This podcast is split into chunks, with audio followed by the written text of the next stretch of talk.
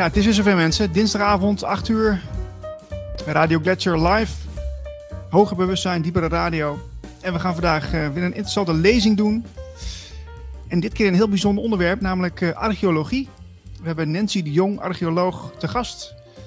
En uh, die zit helemaal bovenaan bij, bij ons. Nancy, welkom. Hoi. Leuk dat je er bent. je bent al eerder bij ons in de uitzending geweest. Ja. Vorig jaar inderdaad. Dat was de, de allereerste uitzending van, van Radio Gletscher. Toen in een iets ander format nog, maar uh, leuk dat je er weer bent. Ja, ik vind het hartstikke leuk om hier te zijn. Ja, we, we gaan het hebben over archeologie en de meest, um, ja, meest, meest opzienbarende vondsten van het afgelopen, afgelopen jaar volgens mij. Hè? Ja, klopt. Oké. Okay. Uh, Merlijn, heb jij enig idee Volg jij überhaupt archeologie of archeologische vondsten? Want ik, ik, ik zit daar helemaal niet zo in eigenlijk. Nee, dat komt natuurlijk uh, veel te weinig in het nieuws. Dus uh, Nancy is een beetje de ambassadeur, vind ik, van uh, de archeologie in Nederland. En die vindt denk ik ook wel dat het een stuk meer mag. Uiteraard. We doen ons best om nou ja, mooie vondsten voor het voetlicht te brengen en mensen bewust te maken van die wereld onder onze voeten. Ja, je, je bent stadsarcheoloog en uh, als specialisatie archeo-geofysisch specialist, hè? Ja, klopt. Kun, kun je ons uh, even uitleggen wat dat precies is? Ja, ik, uh, naast mijn werk als stadsarcheoloog ben ik bezig met een promotieonderzoek aan de Universiteit van Tilburg naar verdwenen kastelen in Noord-Holland onder meer. En om die terug te vinden, nou ja, maken we vaak gebruik zeg maar, van een bedrijf dat geofysisch onderzoek uitvoert. En um, daarmee kun je als het ware kijken in de bodem zonder te graven. Dus zonder die archeologische resten aan te tasten. En uh, vergelijk het een beetje met als je naar het ziekenhuis gaat, dat je een, uh, een röntgenfoto kunt laten maken, of een echo, of een MRI. Nou ja, dat soort technieken zijn eigenlijk ook om mee in de bodem te kijken door het meten van contrastverschillen. En de interpretatie daarvan is weer uh, nou ja, een vak apart. Maar Nancy, dat is toch helemaal niet leuk? Dat, je, ja, wilt graven, je wilt graven archeologen willen graven, dat klopt. Maar opgraven is eigenlijk ook stuk maken. Het kan maar één keer. En uh, ja, dan kan je het nooit meer doen. Dus je moet daar wel een beetje voorzichtig mee zijn. En we mogen ook niet zomaar gaan graven ergens omdat we het leuk vinden. Uh, er moet eigenlijk altijd een reden voor zijn dat iets wordt aangetast of per toeval bloot komt te liggen. Dan kunnen we het documenteren. Maar ja, we mogen niet voor de lol graven. Maar we kunnen wel zo dat soort scans uitvoeren. Dat mag wel, want ja, dan maak je niks stuk. Interessant. Ja, uh, zullen we gelijk beginnen? Ik, want ik ben eigenlijk. Jij ja, ik, hou mijn vraag, ik hou mijn vraag even vast uh, voor, de, voor daarna. Oké, okay, ja, want ik wil eigenlijk wel beginnen. Want uh, ja, dit is toch een beetje voor ons een zijspoortje. Wat ik, ik vind het zelf heel leuk. Um, maar we moeten toch even vermelden dat we ook nog op social media zitten. Want de kijkers die willen ons, ons natuurlijk ook blijven volgen. Dat snap ik ook heel goed. Uh, we zitten op Twitter, we zitten op Facebook. Uh, sinds kort ook op Instagram. En natuurlijk ons YouTube kanaal waar je nu zit, naar zit te kijken. Uh, als je het leuk vindt, deze onderwerpen, abonneer je even. En dan ben je elke week op de hoogte. dus dat gezegd hebbende. Um, ja, weet je wat we doen? We gaan gewoon beginnen. Ik vind het goed. Dus ik zeg Nancy, take it away. wij gaan even weg. Marlijn doet de plaatjes. En ik ga lekker kijken. Dan zien we je zo weer. Nee, nou, uh, welkom uh, iedereen. En uh, nou ja, bedankt voor de introductie. ik ben Nancy, ik werk als stadsarcheoloog in Alkmaar. En nou ja, daar doe ik eigenlijk alle voorkomende werkzaamheden die met archeologie te maken hebben. En vanavond wil ik jullie iets vertellen zeg maar, over het archeologisch jaar. Het jaar zeg maar, tussen dat ik vorig jaar als eerste gast bij Radio Gletscher was en het moment nu. En wil ik jullie meenemen in een beetje in wat een archeoloog nou doet. En uh, nou ja, die, uh, die verschillende opgravingen. Uh, daarvoor maak ik gebruik van wat plaatjes. Maar ik laat ook wat filmpjes zien die we eigenlijk maken als we aan het opgraven zijn. Zodat iedereen even mee kan kijken hoe dat nou is in zo'n opgraving. nou ja, zoals jullie op de volgende slide kunnen zien, voor degenen die ook maar niet kennen, Um, Alkmaar is een uh, hele monumentale stad. En dat zie je en dat voel je als je daar doorheen loopt. En um, die vele historische gebouwen ademen eigenlijk een bepaalde sfeer uit um, van weleer. Uh, als je Alkmaar van boven kijkt, wat je op de volgende slide ziet. dan zie je eigenlijk, een, links is de luchtfoto zoals het nu is. En in blauw zie je de stadsgrachten die op de rechterkaart uit de 17e eeuw eigenlijk ook nog ziet. En dat is eigenlijk het speciale zeg maar, van nou ja, de vele historische vestingsteden is dat de indeling aan de binnenkant is vaak nog hetzelfde als uh, een paar honderd jaar daarvoor. Dus huizen staan vaak 600 jaar uh, op dezelfde plek. En dat maakt eigenlijk ook dat je zeg maar, ja, kunt zien wat was nou precies waar. En de geschiedenis gaat heel ver terug. maar die geschiedenis, zoals je op de volgende slide kunt zien, ehm, die zit ook letterlijk onder je voeten. Dus naast die zichtbare resten van uh, de historie heb je ook heel veel verborgen resten van uh, de historie. Dus op veel plekken in de, de, binnenstad hoef je eigenlijk maar nou ja, 10 centimeter te graven. En dan zit je eigenlijk al in een oud vloerniveau van, uh, van vroeger. nou ja, ik doe mijn werk vanaf het, het archeologisch centrum in Alkmaar. Op de volgende slide kun je daar ietsje van zien. Uh, we zitten in een heel mooi oud uh, schoolgebouw. Wij zitten rechts onderin. en we delen dat gebouw samen met het, het regionaal archief Alkmaar. Wat ontzettend fijn is, omdat we natuurlijk heel vaak bronnen moeten onderzoeken. En we hoeven eigenlijk alleen maar de gang uit te lopen. En in het archeologisch centrum hebben wij een eigen depot van bodemvondsten. Dus eigenlijk alle vondsten die we doen in Alkmaar, die blijven bij ons in het gebouw. En uh, kunnen wij ook uh, bestuderen, maar kunnen we vooral ook door studenten laten bestuderen. En dat vinden we heel belangrijk. Uh, nou ja, dat we onze kennis delen, maar dat we ook studenten in de gelegenheid stellen om nou ja, met onze collectie vraagstukken op te lossen. nou ja, we hebben daar heel veel verschillende werkruimtes. je ziet midden onder iemand, iemand die aan het prikkelen is met allerlei vissenbotjes, vogelbotjes. want we doen ook onderzoek naar voedselresten. er wordt gerestaureerd. En uh, nou ja, in ons depot staan iets van 10.000 gerestaureerde voorwerpen waar heel veel musea eigenlijk uh, uit kunnen lenen. Maar hoe gaat dat nou eigenlijk, zo'n archeologisch onderzoek? Nou, de volgende slide laat ik daar iets van zien. Uh, we gaan niet zomaar graven. We gaan over het algemeen pas graven als er een bouwvergunning wordt ingediend.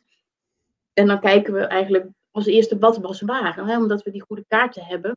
En omdat die huizen steeds op dezelfde plaats staan, kunnen we door de tijd heen kijken, zeg maar, hoe verandert dat huis? Uh, want heel veel kaarten zijn heel gedetailleerd. Uh, ook kunnen we, omdat uh, nou ja, al die kadastrale percelen zijn bekend en er is heel veel historisch onderzoek gedaan. En er zijn mensen die hebben alle gegevens van alle verkopen, van alle belastingen, van alle mensen die er wonen, hebben ze gekoppeld aan dat unieke kadastrale adres. Dus als ik een opgraving in de binnenstad krijg, kan ik heel snel terugzoeken in het archief wie hebben daar gewoond, maar vooral ook uh, wat voor beroepen hadden die mensen? Want uh, het beroep verraadt soms al iets over wat je zou kunnen aantreffen. Bij een bakker kan je bijvoorbeeld een oven verwachten. En bij een smid heel veel ijzerslakken. En zo kun je alvast een beetje je verwachting uh, vormen. verder heb je natuurlijk als bron oude afbeeldingen of bouwtekeningen. Heel vaak, zeg maar, vanaf rond 1900, 1910 beginnen ze met het systeem van bouwvergunningen. En vaak moet je een tekening aanleveren van de bestaande situatie. En die zijn heel nauwkeurig en ook heel belangrijk voor ons, want die bestaande situatie bestaat vaak al honderden jaren zo. Dus dat geeft iets. En verder heb je oude foto's, uh, ook heel waardevol. Uh, maar je moet ook goed opletten, want in de 19e eeuw beginnen ze met de fotografie en dan is het iets heel nieuws. En dan doen ze dat eigenlijk alleen maar als er een hele directe reden voor is. Dus heel vaak zie je dat een pand gefotografeerd wordt uh, net voordat het gesloopt wordt, bijvoorbeeld, omdat ze iets nieuws gaan bouwen. Dus er zit altijd een reden achter. Uh, verder hebben we natuurlijk prenten en schilderijen. Dus heel informatief, maar ook heel gevaarlijk. Uh, want prenten en schilderijen worden nooit zomaar gemaakt. dat is altijd opdrachtwerk. er is altijd iemand die zegt: Ik wil mijn huis geschilderd hebben. Of het kan zelfs zo zijn dat als iemand aan één gracht drie huizen heeft, die niet per se naast elkaar staan, maar dan wil hij ze wel op één tekening hebben. En dan kan het zijn dat de schilder of graveur het uh, naast elkaar afbeeldt. Dus je moet er een beetje voorzichtig mee zijn. Uh, net als met de schilderijen eigenlijk ook. Want soms zie je schilderijen staan van twee mensen uh, die nooit levend naast elkaar hebben kunnen staan op die leeftijd. Dus dat zijn altijd dingen, daar moet je een beetje mee opletten. Nou, verder natuurlijk de oude geschriften, heel waardevol. op het moment dat een huis verkocht wordt, wordt vaak een hele nauwkeurige beschrijving gegeven van uh, of er een beerput was, of een gedeelde goot, of allerlei andere bijzonderheden. Dus daar halen we dan hele waardevolle informatie uit. Uh, nou, als we dan uh, gaan opgraven, uh, zoals je de volgende ziet, Ehm, heel veel mensen hebben vaak het idee met archeologen dat wij werken met kwastjes en, en tandenborstels. Ook in het Midden-Oosten, zeker waar, bij hele kwetsbare vondsten ook. Maar over het algemeen beginnen we met een graafmachine. De grond in de binnenstad is vaak vol van puin. En dat is niet te doen om daarin te scheppen. Dus we werken met een graafmachine. Maar die kan verrassend nauwkeurig werken eigenlijk. we kunnen de graafmachinist, ik kijk hem aan, ik, ik zie zeg maar wat hij doet. En dan zeg ik, zo'n stukje eraf. En dan haalt hij met de bak, haalt hij voorzichtig een stukje eraf. En terwijl hij dat doet, dan kijken we. Maar we luisteren vooral. Omdat we vaak eerder iets horen dat we iets vinden dan dat we het zien. Dus we horen dat de bak ergens overheen gaat en zeggen, oh stop. Dan haalt hij de bak uh, omhoog en dan gaan we met de hand verder, dus met de schep. En uh, soms dan worstelen en dan gaan we eerst kijken, wat zien we nu eigenlijk? En uh, dat niveau leggen we vrij en gaan we vastleggen. Verder werken we met de metaaldetector. en archeologen zijn niet alleen dol op wat ze op het platte vlak zien, maar ook zoals rechtsonderin Ehm, kijken we heel graag naar de profielen. Dus dat wil zeggen eigenlijk de dwarsdoorsneden die je aan de zijkant ziet als je een diepe gaat. Omdat dat vaak laat zien zeg maar, hoe de laagopbouw is. Dus, ehm, nu zijn we bekend met vloeren van hout of beton, uh, maar vroeger waren dat kleivloeren. En die kleivloeren die zie je vaak in het platte vlak niet, omdat dat zich heel erg vermengt met de gewone grond. Maar in de dwarsdoorsneden zie je die vaak als een keurig lichtgrijs bandje en dan kunnen we vloerniveaus vaststellen dat zijn ook uh, nou ja, dingen waar we goed naar kijken. Nou, verder, uh, zoals je op de volgende tekening kunt zien, uh, ik vertelde het al, opgraven kan je eigenlijk maar één keer doen en dan uh, vernietig je alles. Dus eigenlijk ehm, moet je daar heel erg voorzichtig mee zijn. En daarom tekenen wij alles met de hand, schaal 1 op 20. En zoals je ziet, het is een enorm gekriebel op die tekening, maar we zetten daar werkelijk alles op wat we zien. Uh, de steenmaten, wat ons opviel, de kleur van de grond, uh, de vondsten. En uh, dat doen we eigenlijk omdat als we terug binnen zijn en we hebben de foto's, dan is dit eigenlijk het enige wat je nog rest van het verhaal. En dat heb je nodig, zeg maar, om dat weer om te werken naar een, een goed rapport. Dus het is heel veel tekenen en denken en je gedachten op papier zetten. Um, na de opgraving, nou ja, dan moet er dus we hebben allerlei vondsten gedaan en nou ja, die zijn natuurlijk niet schoon, dus die moeten eerst gewassen worden. En wij spoelen eigenlijk alles over de zeef. En dat doen we omdat we dan ook alle kleine restjes uh, hebben, dus hele kleine stukjes glas, maar kleine stukjes bot. soms vinden we sieraden, speltjes, muntjes, nou ja, noem maar op. En al die vondsten die worden dan per vondstnummer, dus alles wat uit één bijvoorbeeld beerput komt of kelder komt, dat heeft één nummer gekregen. En al die vondsten van één nummer leggen we bij elkaar. Dus bij een beerput kunnen dat soms duizenden scherven zijn. Het is wel echt puzzelen voor gevorderden. En dan gaat het net als dat je gewoon een legpuzzel legt, kleur bij kleur, eh, rand bij rand, eh, bodem bij bodem. En zo proberen we die, uh, nou ja, die voorwerpen weer in elkaar te puzzelen. En dat is niet omdat we uh, zo ontzettend dol zijn op puzzelen, maar dat is om te zien tot hoeveel voorwerpen dat we kunnen komen. En als we een voorwerp een beetje compleet kunnen maken, uh, kunnen we daar uh, een datering aan toepassen. Dat zie je eigenlijk op de volgende foto. Dan uh, kijken we dus aan de vorm van de randen, aan de vorm van de bodem, aan de dwarsdoorsneden. dat wordt allemaal landelijk gedocumenteerd in een systeem, dat is het Deventer systeem. Dus alle archeologische diensten en bedrijven houden dat bij. En op die manier kunnen we dus registreren wat waar gevonden wordt van welk type, maar vooral ook uh, wat de grote gemene deler is qua datering. Dus op die manier kunnen we vrij nauwkeurig zeggen uh, wanneer een kooppot uh, in, in de looptijd was. Het van 1625 tot 1650, dat kan vaak heel nauwkeurig. ook kan dat zeg maar, op basis van het motiefje wat erop staat. En net als, net als nu, dat je in de jaren 80 had je dat zwarte Ocktime servies, dat was toen hartstikke modern. Of het boerenbond servies. Uh, en nu zeggen wij van, nou, dat is zo jaren tachtig, nou, dat, uh, dat willen we niet meer. Nou, dat was toen eigenlijk ook. Dus je hebt daar bepaalde trends in. En met die trends kunnen we dus ook uh, dat dateren. Op het rechterplaatje zie een collega van mij die druk bezig is met het uitzoeken van voedselresten.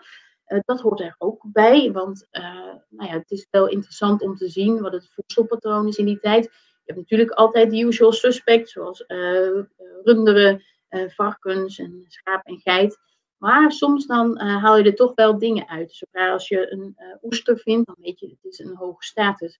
Of als je wild vindt, zoals konijn. Want wild was eigenlijk alleen voor de hele rijken. Maar soms zie je aan een, de, inhoud van een beerput, aan het, aan het soort aardewerk, dat het een, nou ja, een niet welvarende huishouden was. En dan zie je toch bijvoorbeeld konijn. En dan weet je van, hé, hey, die waren aan het stropen. En soms haal je ook indirecte informatie eruit. Hè? Want uh, in Alkmaar is het zo dat haring, als je die kocht, het mocht alleen gekaakt ter markt gebracht worden. Er zijn keuren van, maar je vindt in heel veel beerputten vind je ongekaakte haring. Dus je ziet dan ook sporen van een soort uh, alternatief circuit waarin dus kennelijk ook vis verkocht werd. En dat zijn dingen die je dus niet terugleest in de bronnen en waar archeologie dan uh, een duidelijke meerwaarde heeft. Uh, al die vondsten die uh, nou ja, stuk zijn, want daarom belanden ze vaak in een afvalkuil of in een, in een beerput, kun je op de volgende slide zien, worden weer eigenlijk met heel veel liefde in elkaar gezet. als we aan het puzzelen zijn, dan doen we dat met dat schildersteep en dan plakken we dat even nou ja, soort van in elkaar en dan zetten we dat in de kast. En donderdag hebben we bij ons altijd twee vrijwilligsters. Uh, op het rechterplaatje zie je onze vrijwilligste Marianne. En zij is, uh, was vroeger handenarbeidlerares en zij is echt magisch in het uh, restaureren van ons aardewerk. Dus zij lijmt alles in elkaar met velpon. We gebruiken helemaal geen high-tech lijm, maar gewoon velpon. En velpon heeft het voordeel dat, dat als ik het in een bak met warm water zou leggen, ik de scherf eigenlijk weer los kan weken zonder dat het stuk gaat. Als je vluchtige lijmen gebruikt, zoals twee componenten lijm, die trekken in de scherf. En die maken eigenlijk het bakselstuk. Dus we willen eigenlijk zo zachtaardig mogelijk uh, uh, voorwerpen restaureren. En Marjan uh, doet dat voor ons. En nou ja, je kunt dus kiezen voor zichtbaar restaureren. Dus dat je duidelijk ziet welke stukken missen. Of onzichtbaar restaureren bij bepaalde topstukken. nou, de volgende slide zie je een beetje een idee van nou ja, wat je al zo al allemaal kunt aantreffen. Nou heel veel soorten uh, glas. Uh, glas sleuvelt natuurlijk eigenlijk uh, heel snel. wat vaak opvalt bij het 17e eeuwse glas is dat het allemaal voorzien is van allerlei uitsteekseltjes. Je ziet hier nopjes en braampjes en soorten puntige uitsteekseltjes. En dat is enerzijds decoratie, maar het is voornamelijk eigenlijk anti-slip. Omdat men at met hun handen vooral in de 17e eeuw. De vork komt eigenlijk pas uh, in gebruik in de 18e eeuw. Dus mensen aten met hun handen. Dus een beetje zelf, als je zelf wel eens hebt gegeten met je vingers, zijn je vingers vet. En als je dan je glasvak pakt, dan uh, die er zo uit. Dus die, die glazen zijn vooral uh, anti-slip. Uh, een van de meest gestelde vragen aan het hek is: heb je al goud gevonden? dat vinden we zelden. Eigenlijk hier rechts zie je een paar voorbeelden, maar dan houdt het ook wel daarna een beetje op.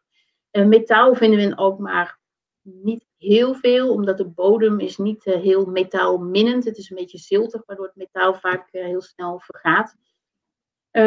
tabakspijpjes, lepels, tapkranen, nou, verzin het of het, het is er. Uh, de volgende slide zie je nog wat uh, voorbeeldjes. Nou, de, de, bekende tegeltjes, het uh, behang van vroeger. Uh, schoenen blijven in de Alkmaarse bodem wel heel goed bewaard, omdat het vaak uh, heel nat is en zuurstofarm blijven organisch uh, materiaal heel mooi bewaard. Dus we hebben echt nou ja, talloze soorten met schoenen. kinderspeeltjes, nou ja, daar links onder het schoentje zie je een soort van drie bubbeltjes. Dat is een, een kunstgebit, gemaakt van nijlpaardivoor. En daar krasten ze dan als het ware tandjes in. Ehm, soms zie je ook ehm, tastbare voorwerpjes zoals die dobbelsteentjes. Deze komen uit uh, de beerput van een herberg. En als je het heel goed ziet, waarschijnlijk als je een groot scherm hebt, zul je zien dat uh, de linker dobbelsteen uh, twee vlakken heeft met een vijf. dus dit was een vals speeldobbelsteen. Dus waarschijnlijk werd er een spelletje gespeeld waarbij je zoveel mogelijk vijven moest gooien. En ook dat vind je terug. Dus misschien dat het iemand te heet werd onder de voeten, ging snel naar het toilet, ditchte zijn dobbelsteen in de wc en kwam er goed van af. Uh, dus dit zijn een beetje de, uh, nou ja, de verschillende soorten van uh, fondsmateriaal die je kunt tegenkomen. Dus dat is eigenlijk heel, heel divers. Maar goed, de grote gemene dener is wel dat het over het algemeen weggegooid is omdat het stuk is. En eigenlijk proberen we dan met, nou ja, door dat te restaureren en in ons depot neer te zetten waar musea daaruit kunnen winkelen, proberen we dat nou ja, weer een beetje tot, tot leven te brengen. En uh, nou ja, dat we het kunnen delen met mensen. Uh, nou, een, uh, een, heel groot deel van mijn werk bestaat uit, nou ja, minder enerverend werk. Het leven van een archeoloog is niet alleen opgraven, maar bestaat ook voor een heel groot deel uit het mogelijk maken dat er opgegraven kan worden. En dat doen we door, nou ja, op het moment dat iemand een bouwaanvraag indient, dat we adviseren zeg maar, op archeologie, dat we kijken van wordt de bodem geschaad of niet en is er een opgraving nodig. En dan gaan we eigenlijk samen in overleg om, uh, om dat te regelen. En uh, daar gaat vaak uh, een hele lange tijd aan vooraf. het is niet zo dat sommige projecten die, die hebben een aanlooptijd van twee jaar waarin je dat heel goed kunt voorbereiden. een hele enkele keer wordt er iets bij toeval gevonden. Dus dat is met name met beerputten wil dat nogal eens gebeuren. die hebben een soort iglo-koepeldakje. En na, na 300 jaar willen die nog ineens wel eens inzakken, waardoor mensen ineens een gat in de tuin ervaren en dan ons bellen. Uh, dat gebeurt ook. Maar de meeste on onderzoeken vinden toch wel uh, gepland uh, plaats. En ik wil je nu wat vertellen over nou ja, het archeologisch jaar van juli tot juli. En we hebben een aantal hele mooie opgravingen kunnen doen, die ook ieder op hun eigen manier weer bijdragen aan het verhaal van de geschiedenis. Uh, de eerste opgraving die ik wil laten zien is de opgraving van het Clarisse dat we in oktober vorig jaar hebben gedaan. En dat was een heel bijzonder onderzoek. op de volgende foto kunnen we de binnenstad zien van boven. En dan heb ik met een rondje aangegeven waar we ons ongeveer bevinden. Ehm, het is uh, aan de, de, randen van, uh, van de vesting. En uh, je ziet ook eigenlijk dat linksboven het rondje zie je een brug over de gracht gaan. Het is al van oudsher een toegang tot de stad. het is de Bergerbrug. Vroeger was daar ook de Bergerpoort. En het was een belangrijke toegang tot de stad. Alleen zo'n stad die wordt steeds groter door de tijd heen. De vestingwerken die je hier ziet is de situatie van de 17e eeuw. Maar als een stad groeide, moesten ze steeds een hele nieuwe muur eromheen bouwen. Uh, op de volgende slide zie je eigenlijk zie je de kaart van Alkmaar uit uh, 1570, zeg maar ongeveer. En dan zie je eigenlijk dat het rondje, zeg maar, wat op de vorige foto binnen de vesting valt, hier erbuiten valt. En binnen het rondje ligt het klooster. En het klooster was dus net voor de ingang van de stad gelegen. Je ziet wel vaak aan de zuidkant zie je eigenlijk ook zo'n linkje met, met bewoning. En dat werd dan bij zo'n uh, nou ja, opnieuw omgrachting van de stad, werd dat, werden die buitenwijkjes erin getrokken. En als je een hele hoop lege delen in de stad, die, dan weer volgebouwd konden worden. Maar dit klooster lag dus uh, buiten de stad. Uh, hoe ziet het er nu uit? nou, als je op de foto ziet, het ziet er niet heel aantrekkelijk uit. Het is, er staat een, een klein eethuisje, staat er. verder is het alleen maar straat. maar we weten dat daar dat klooster lag. Nou, en hoe weten we dat nu zo zeker? Omdat we in 2015 hebben we een klein onderzoekje gedaan. Uh, je ziet het uh, op de volgende slide. Toen het eethuisje wat daar stond werd vervangen en werd een klein stukje naar achteren geplaatst. Nou, wij wisten natuurlijk, daar heeft een klooster gelegen, dus daar willen we graag uh, gaan kijken. En eigenlijk al heel snel vonden we daar resten van een soort van cementlaag. Met daarin allemaal hele kleine vierkantjes. En toen wisten we al van, oh, dit is de onderkant van een vloer. Want op die cementlaag werden de tegels, die lagen daarin gedrukt. En wat ons direct opviel, zeg maar, was dat uh, nou ja, de tegels liggen meestal uh, in het, uh, parallel aan het gebouw. En we zagen dat hier een oost-west oriëntering in zat. En dat is iets wat heel erg past bij religieuze gebouwen, die vaak, met name de katholieke gebouwen, een oost-west oriëntering kennen. Uh, opgave is vernietigen, uh, dus je moet vaak door de vloer heen om te kunnen kijken wat er nog meer onder zit. En niet snel daarna kwamen we eigenlijk al uh, een heleboel funderingen tegen, wat je op het rechterplaatje ziet. En je ziet eigenlijk ook al dat die resten liggen allemaal vrij ondiep. En dat is eigenlijk in de hele stad is dat zo. Je hoeft maar de bovenlaag af te halen en je zit al direct in de archeologie. Dus vaak als mensen in een huis de vloer vervangen, dan zijn we daar ook vaak bij aanwezig, omdat je ziet direct in de keldertjes, in, in vloerniveau van de 14e eeuw. Uh, en uh, dat is ook zo uh, weer weg. op het volgende plaatje zie je heel schematisch. Het was natuurlijk, je ziet daar het, bouwputje. Het is heel klein, maar je ziet wel hoe het zit. We geven eigenlijk op, altijd de tekening ook weer aan, zeg maar, waar het noorden is. Nou, het noorden is een beetje, een beetje rechtsboven. En je ziet nou, de vloer die we getekend hebben. En ehm, nou, je ziet uh, ook maar dat de resten liepen door. Omdat we natuurlijk niet alles konden zien. Maar we zagen wel eigenlijk dat aan alle kanten uh, de resten nog doorgingen in de ondergrond. Uh, dus dat was voor ons wel heel belangrijk gegeven. om in kaart te brengen in hoeverre dat nu gebeurt. Nou, dat hebben we gedaan met een geofysisch onderzoek. Ehm, nou, had het net al even kort verteld, geofysisch onderzoek. Uh, op de volgende slide zie je een beetje een indruk van hoe dat uh, nou, ging daar op dat bolwerk. Uh, nou, we kijken in de bodem zonder te graven. Nou, de meneer links die loopt met een karretje met uh, een aantal sondes erachter. Dat is een magnetometer en die registreert verschillen in het aardmagnetisch veld. Dus metaal kan dat aardmagnetisch veld verstoren. Maar uh, rode baksteen kan dat ook. Omdat rode baksteen rood is, omdat daar heel veel ijzerhoudende pigmenten in zitten. Dus als je voldoende concentraties baksteen hebt, kun je die daarmee ook zien. Uh, de meneer op het rechterplaatje, die uh, loopt rond met een grondradar. Nou, een grondradar die zendt signalen de bodem in en die meet hoe moeilijk of makkelijk dat kan. En die maakt eigenlijk constant allemaal wasplakjes van de, de bodem. En op die manier kunnen we dat in kaart brengen. Dus in 2018 hebben we ehm, nou, het deel uh, ten uh, westen van het eethuisje in kaart gebracht. En in 2020 uh, ehm, hebben we ook nog eh, de andere kant helemaal ingemeten, omdat ik toen wist dat de riolering vervangen ging worden. En de riolering werd niet alleen vervangen, het hele tracé werd verlegd. Dus ik wist, ze gaan daar op de plek waar ik een klooster heb gevonden al. en waar ik zag dat al die resten verder de straat in ging gaat een heel groot gat graven. Dus dan moet ik gaan inschatten uh, hoe lang uh, we erover gaan doen uh, om zoiets in kaart te brengen en wat precies verwachten. Dus dan is het heel handig als je alvast even in de bodem kunt kijken zonder te graven.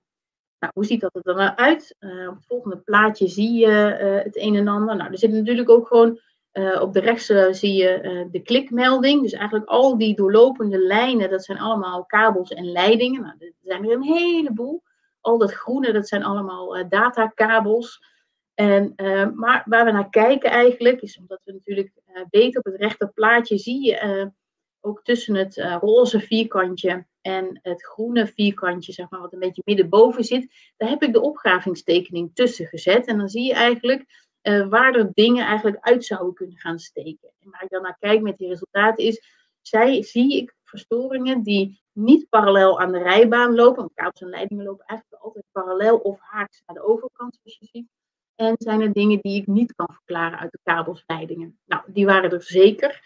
En ehm, op het plaatje links, zeg maar, uh, kon je dat mooi zien. Je ziet dan eigenlijk een soort, uh, helemaal linksbovenin zie je een soort uh, ja, half ovale blob. Eh, en die was wel heel verdacht. Dus nou, vol goede moed gingen we beginnen. En uh, op het volgende plaatje zie je al uh, nou, hoe blij ik ben, want in de eerste sleuf vond ik eigenlijk al gelijk de zijmuur van een klooster.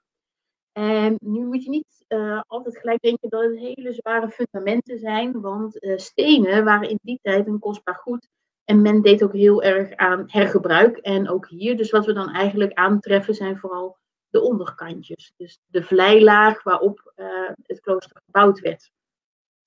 Uh, op de volgende slide zie je dan hoe we verder gaan, want we werken natuurlijk van uh, nieuw naar oud. Dus je vindt eerst, uh, ja, je vindt eigenlijk dingen die later zijn afgezet, zeg maar, en dan pas ga je het ouder in. op het linkerplaatje mijn collega Casper en samen met schrijfster Simone van der Vlucht. Simone van der Vlucht is een vriendin van mij en wij werken ook heel veel samen, zeg maar, voor haar boeken. Omdat zij heel vaak historische boeken schrijft. Eh, werken wij heel veel samen en eh, mag ze af en toe mee eh, met mij opgraven. En wat we op een gegeven moment vonden, vonden we een niveau met afval en zand, en, maar ook resten van heilige beelden. Je ziet op het rechterplaatje zie je een stuk van een beschilderde sokkel. Er zat zelfs nog bladgoud op en alles. En dat was gelijk iets heel opvallends. Want nou ja, wat deed dat daar eigenlijk in een afvallaag? Maar goed, wat ik zei, je weet pas wat het betekent als je gaat verdiepen. En onder die laag met afval uh, troffen we een vloer aan, die je op de volgende foto ziet. En uh, je kunt die, heel mooi zien, zeg maar. Het is heel keurig gelegd. Maar die laag met die heilige beelden lag dus op een vloer. Nou, dat vonden we dan eigenlijk al best wel een beetje vreemd. En uh, nou ja, soms snap je direct, soms snap je pas als je het binnen bent. Maar langzaam begonnen de dingen eigenlijk een beetje te dagen. En terwijl we dat deden, hebben we eigenlijk een, een kort filmpje gemaakt van hoe dat nou eraan toe gaat tijdens zo'n opgraving. En het is wel leuk om even, even te bekijken hoe dat in zijn werk gaat.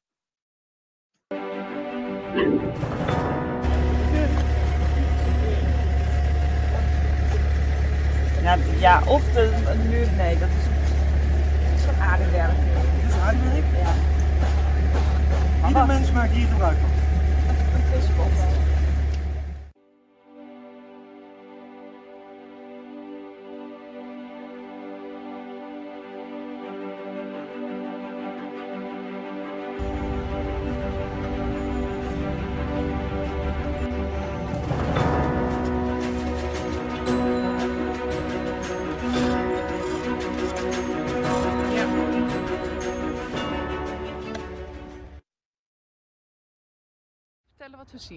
Ja, we zien hier uh, eigenlijk uh, de omgevallen muur van de zij-volgever van het klooster.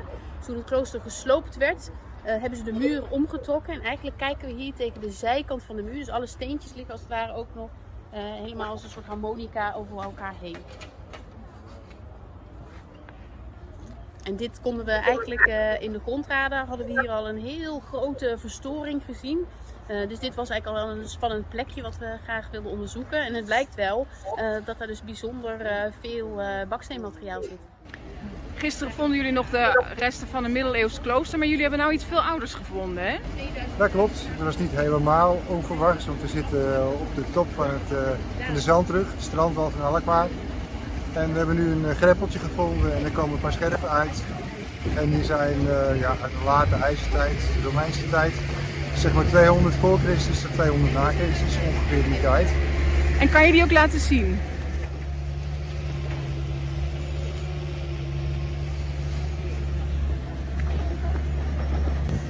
Dit is aardewerk, het lokaal gemaakt en uh, er werden een soort kookpotten van gemaakt onder andere. En die, uh, ja, het heeft ook kenmerkende uh, baksel, zwarte kern en licht, lichte oppervlaktes binnen- en buitenkant. Hoe, hoe, zie je meteen dat dit uh, niet uit de middeleeuwen is? De kleuren en de, de, de, de, zeg maar de korrelgrootte van het baksel. Vertel even. Ja, dit zijn dus uh, stukjes van het pleisterwerk van de muren. Dus uh, die ruwe stenen muren die, ja, die zijn mooi wit gepleisterd. En daar vinden we dus nu brokstukken van. Deze wat witter, die schijnt 18e eeuw te zijn. Is mij ook allemaal verteld hoor. Ja, ja. Dus dat zie je ook wel, die is veel witter en gladder. Ja. Maar uh, nou ja, dat gaat allemaal uh, een zakje.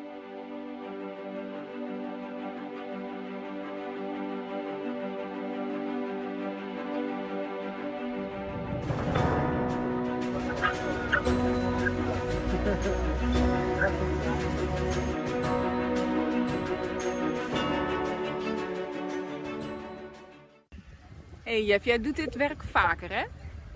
Nou ja, machinewerk doen we vaker, maar niet voor een archeologische opgraving. Dat is een, een van de eerste keren voor mij. En hoe vind je het? Nou ja, verbazingwekkend leuk eigenlijk. Dus het maakt niet zo vaak mee dat ik uh, de grondsoorten en alles in de grond te horen krijg. Voor ons is het normaal gesproken opgraven, weggooien en doorgaan. En nu zie je toch een keer de andere beelden van uh, alles wat er in de grond ligt. En wat heeft jou het meest verrast?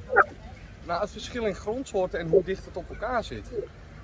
Tussen een, ja, een centimeter of tien kan al honderden jaren zitten. En je leert toch nog wat. En wat vind je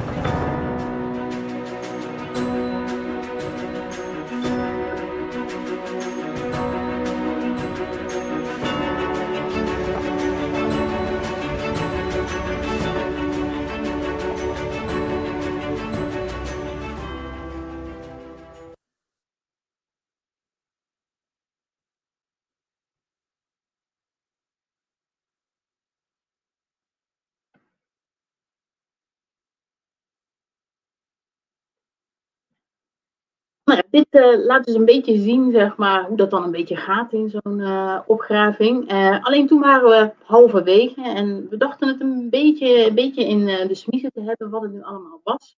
maar de grote klont stenen werd, nadat we er wat laagjes hadden afgepeld, ook hier zie je weer hoe ontzettend dicht aan de oppervlakte dat het ligt, kwamen we er ineens achter dat die zijmuur een ingestorte toegangspoort bleek.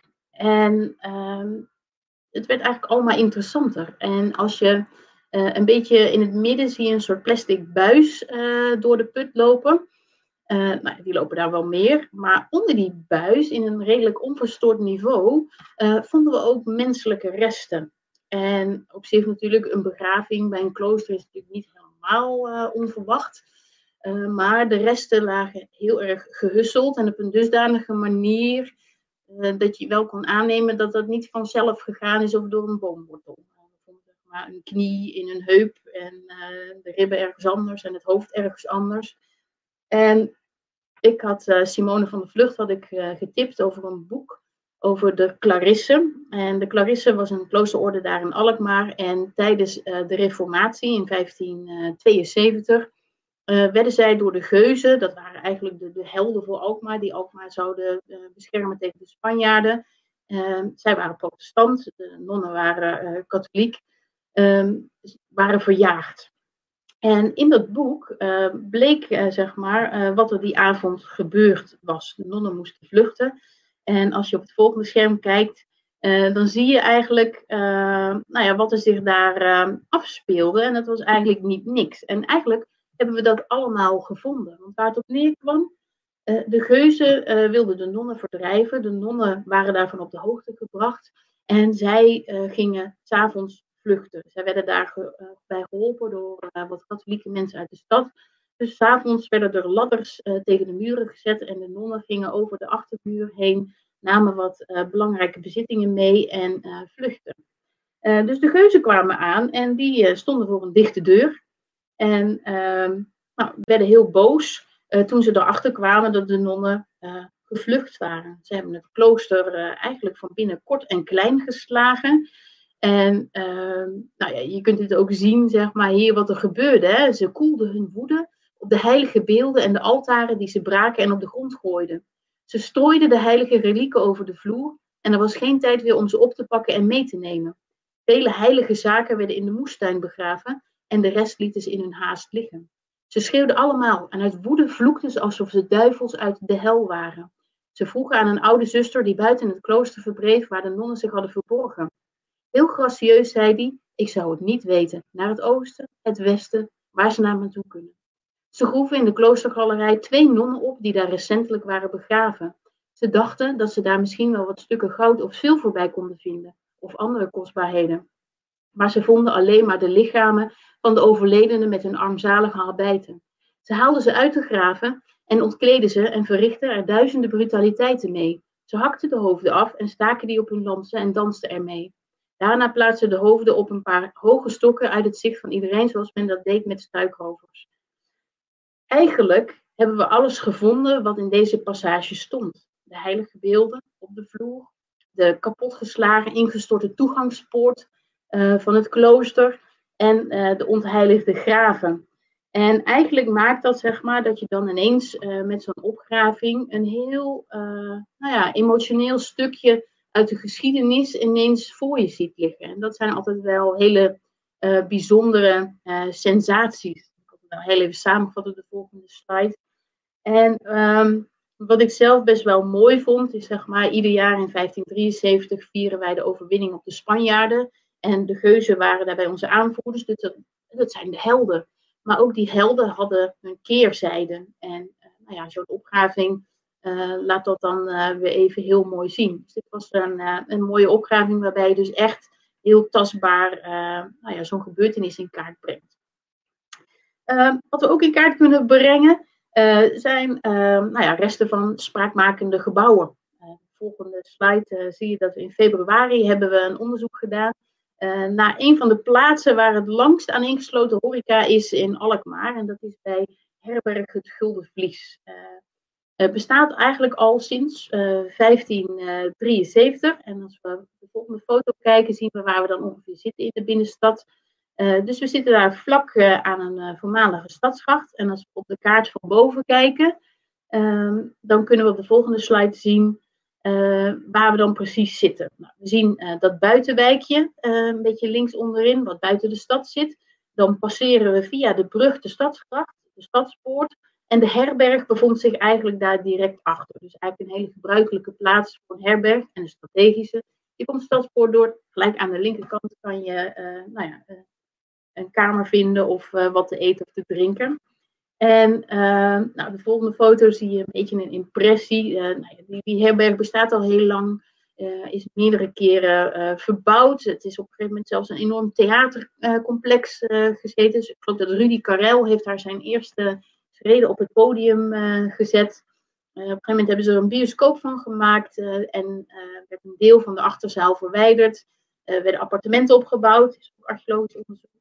En nu uh, werd het laatste deel uh, gesloopt. Nou, dat kun je op de volgende slide zien. Uh, achter het gebouw werd een heel stuk eruit gesloopt. En nou, je ziet zeg maar, hoe schuin zo'n graafmachine dan staat op al dat puin om het eraf te trekken.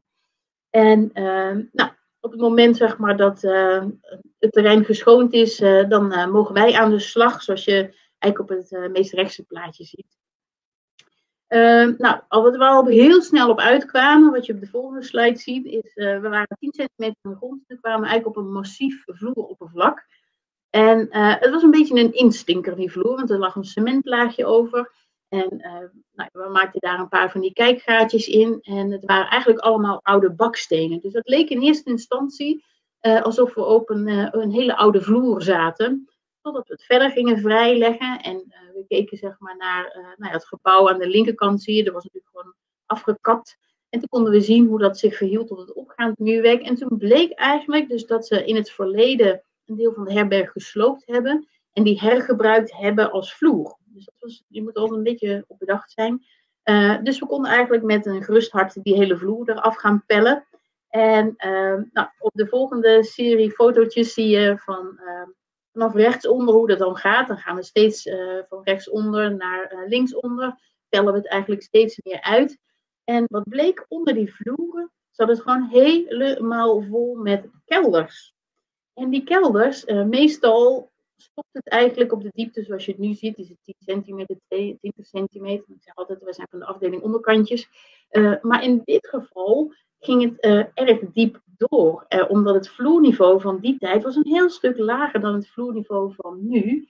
En dat maakte dat we als het ware dwars door de opgraving uh, heen konden lopen.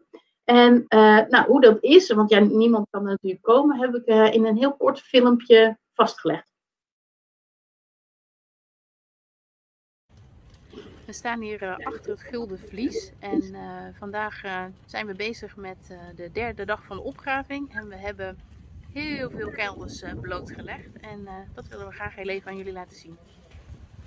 Uh, nou, we zien Peter en Casper. Die zijn druk bezig met de administratie van de vondsten. En ehm, hier zeg maar, zien we de eerste kelder met de toegang via buiten. dus je kon hier van buitenaf kon je de kelder benaderen. Later hebben ze dat dichtgezet. Um, als we in de kelder kijken zien we hier een, uh, een mooie vloer en links achterin een trap omhoog. En die trap is ook later uh, ingezet. En, uh, kijk, voorzichtig heen. En om het mooier te maken is dat de kelder gaat gewoon verder aan deze kant. En ook hier zien we zeg maar nog een, een vloerniveau. En achterin gaat de vloer eigenlijk nog verder. Dan zien we ineens zeg maar, op diepte nog een, eh, een ander patroontje. Zo. En hier zien we nog een toegang met een kelder en nog een ouder vloerniveau. Dus het is eigenlijk als het ware een soort kelderparadijs hier. En we kijken tegen de kelder zeg maar, van het uh, voormalige gulden vlies aan. Dus uh, genoeg uh, stof tot nadenken. En vooral ook voor Peter nu om alles te tekenen. En nou ja, wordt vervolgd. Dat laat dus eigenlijk een beetje zien uh, hoe dat dan uh, zo verder gaat. Dus we hebben al die kelders gedocumenteerd en uh, verder gekeken. En nou, het middendeel van het terrein was vrij verstoord, omdat er een hele grote recente kelder in zat. Maar nou ja, bij een herberg hoort natuurlijk een toilet. En we hadden eigenlijk verwacht dat er nou ja, diverse beerputten zouden zijn. En beerputten zijn heel interessant vanwege alle vondsten die erin zitten. Maar die vonden we niet. Maar we vonden wel eigenlijk de toiletruimte. dat was eigenlijk een heel groot gat, wat je in het blauwe cirkeltje ziet. Daarboven waren de toiletten. En in links met het pijltje geel vonden we een heel gemetseld riool wat richting de gracht ging. En al heel snel kwam daar allerlei uh, vondstmateriaal uit. nou, op de volgende slide zie je zeg maar dat nou ja, zo'n opmerking is, gaat niet onopgemerkt. En de media komt heel snel kijken, dus lokale media en naar nieuws. nou, je hebt je Mai voorbij van NPO Radio, die kwam langs. Uh, heeft zelfs een stukje mee opgegraven en daarvan live uh, verslag gelegd uh, op de radio.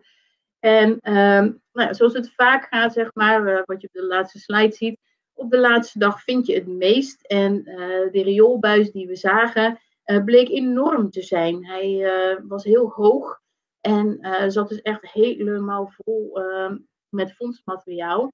En het leuke is dat dat fondsmateriaal uh, ons weer iets laat zien zeg maar, over wat voor type herberg het is. Hebben we dure glazen gebruikt of juist goedkope glazen?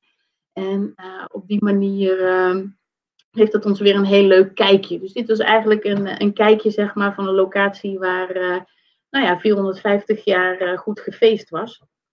Ehm, we zitten niet altijd in de binnenstad. soms gaan we ook net het, het buitengebied in, wat je op de volgende slide ziet een heel rustiek stukje met een hele mooie kasseienweg. Dit is de Munnekenweg, uh, in, net buiten het centrum van Alkmaar, in een mooie groene polder. als we op de luchtfoto van bovenaf zien, dan zie je zeg maar, hoe zich dat ongeveer verhoudt tot het centrum. En het is een hele bijzondere plek. Ehm, als we ja, de volgende slide zien van, op de kaart, Ehm, dan zie je eigenlijk, uh, het is van oudsher daar eigenlijk al een beetje een, uh, een open gebiedje. Maar uh, niets is minder waar. Eh, als we de volgende slide kijken, dan zie je de foto van vroeger en van nu. En dan zie je diezelfde weg met die kinderkopjes. rechts is hoe het nu is, links is hoe het in 1930 was. En dan valt daar wel iets op. In dat weiland ligt namelijk een kasteel. Je ziet heel duidelijk de resten van de hoofdburg en de verschillende grachten. En wat je ook ziet, zeg maar, is linksbovenin zie je de weg heel mooi afbuigen. Maar in het weiland zie je als het ware nog een soort slangetje lopen. En dat is het oude verloop van de weg. De weg heeft niet altijd zo gelopen. Dit jaar bestaat de weg zelfs 750 jaar. En deze is in 1272 aangelegd door graaf Floris V. Uh, die vaart die daar loopt, dus je ziet eigenlijk van uh, midden links naar, uh, naar het midden toe lopen, naar rechts zie je eigenlijk een soort vaart lopen. Die vaart die was er in de 13e eeuw al. En die weg was er in de 13e eeuw ook al. Dus van oudsher heeft daar altijd een brug gezeten. Uh, de volgende foto kun je nog iets beter zien, zeg maar. Dan zie je links een luchtfoto over de kadastrale kaart. En dan zie je eigenlijk dat die weg uh, eerst door dat weiland heen hoekte. En op uh, de kaart, zeg maar, uit 1561, daarnaast zie je ook dat die weg zo'n slingerpatroon heeft. Er heeft zelfs ook nog een klooster aangelegen. Uh, dus we wisten, die weg is oud, die vaart is oud. Uh, dus de kans dat daar een brug zou kunnen komen is groot. nou, we werden gebeld op twee weken geleden op woensdagochtend, dus het is nog heel recent. En op de foto kun je het een beetje zien, het is een beetje druilerig weer. Maar we werden gebeld met de mededeling van nou, we naderen de, de vaart over, of tenminste de, de plek waar de weg over de vaart gaat en we komen puin tegen.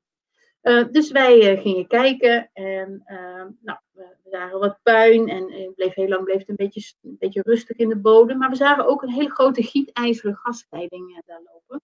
En op een gegeven moment boog die gietijzeren gasleiding met een knik ineens naar links. Dus toen wisten we al van, nou, let op, we nu gaat hij eraan komen. En inderdaad, op de linkerfoto zie je een, een beetje een onogelijke klont met, met stenen. En al heel snel bleek uh, dat daar uh, nog een heel deel aan vast zit, wat je op het uh, rechterplaatje ziet.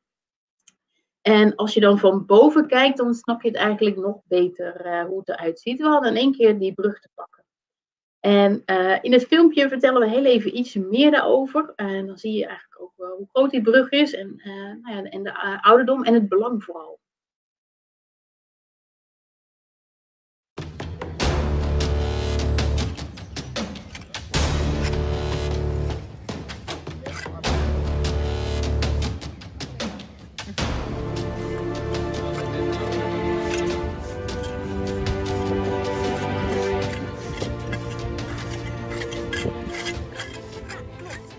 Zit hier eh, eigenlijk eh, boven de vaart eh, die zeg maar de Munnikenweg kruist.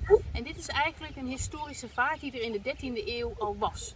Ehm, hier rechts achter mij ligt het kasteelterrein waar vroeger kasteel de Middelburg lag. En kasteel de Middelburg was hier gelegen omdat hij zo strategisch aan de vaart lag. En zo strategisch bij de Munnikenweg lag. En de brug bij de Munnikenweg.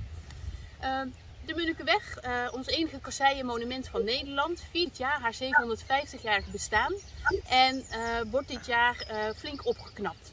De hele onderlaag wordt opnieuw gemaakt en alle keitjes worden opnieuw gelegd. En dat bood ons de kans om even mee te kijken in het traject om te zien of we misschien hier in dit stukje bij de Middelburg nog sporen konden vinden die te maken hadden met de tijd van het kasteel. Omdat hier natuurlijk die vaart de, de Munnikenweg eh, kruist, moet hier van oudheid eigenlijk al een brug zijn geweest. Nou, ehm, we hoopten die te kunnen aansnijden, eh, maar eigenlijk is het eh, boven verwachting, want we hebben de hele brug nog intact in de ondergrond. Hier liggen. Nou, die eh, stenen die zijn zo rond de 25, 25,5 centimeter. En dat zijn eigenlijk stenen die eh, net komen nadat de kloostermop in onbruik is geraakt. En de kloostermop is een steen van zo rond de 30 centimeter. En die, eh, waaruit de kastelen onder andere helemaal eh, zijn opgebouwd. Maar die vinden we dus niet hier, maar wel overal hier in de klei, kleibedding. Hier zitten allemaal van die oude kloostermoppen uit, uit de 13e, vroege 14e eeuw. Dus we hebben het waarschijnlijk niet hier over een brug uit die vroege tijd, maar wel een iets latere tijd. En dan denk ik meer aan, aan het eind van de 14e eeuw, denk ik, begin van de 15e. Het is altijd moeilijk met steen, omdat ze dan een, een maatvoering krijgen. En dat blijft vrij lang eh, hetzelfde. Ja, dat stenen van rond de 25 centimeter. Met een soort trasachtig cement. Dat was, soms was dat toen de tijd gemalen tufsteen, waardoor ze die harde, wat harde baksel kregen. En eh, we hebben ook wel nog wat nieuwere stenen. Die zitten enkel alleen aan de bovenlaag. En waarschijnlijk zijn dat wel weer reparaties uit latere tijd. Dat ze het brugdek vervingen of zo.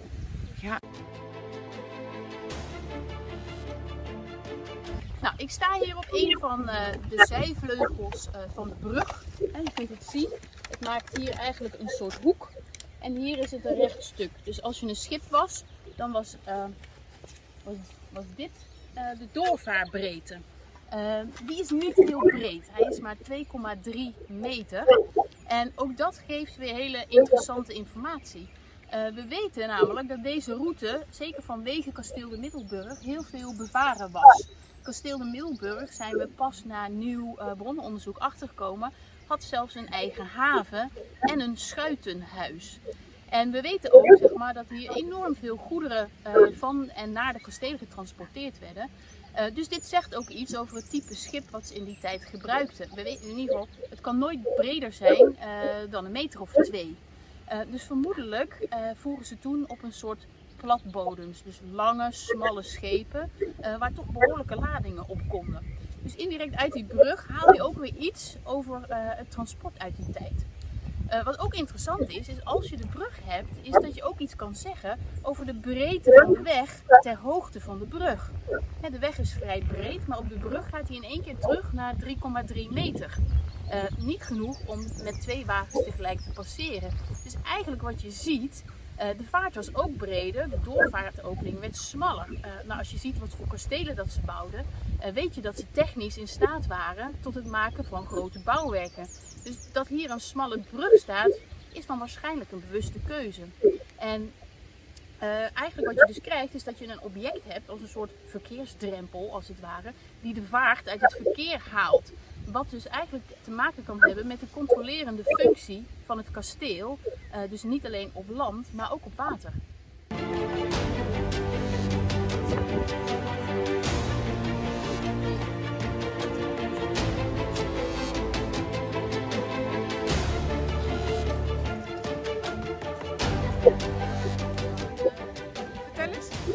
Ja, nou, ik ben gistermiddag gebeld door Nancy van, eh zeg je ook, je moet even komen kijken, want we hebben wat leuks gevonden.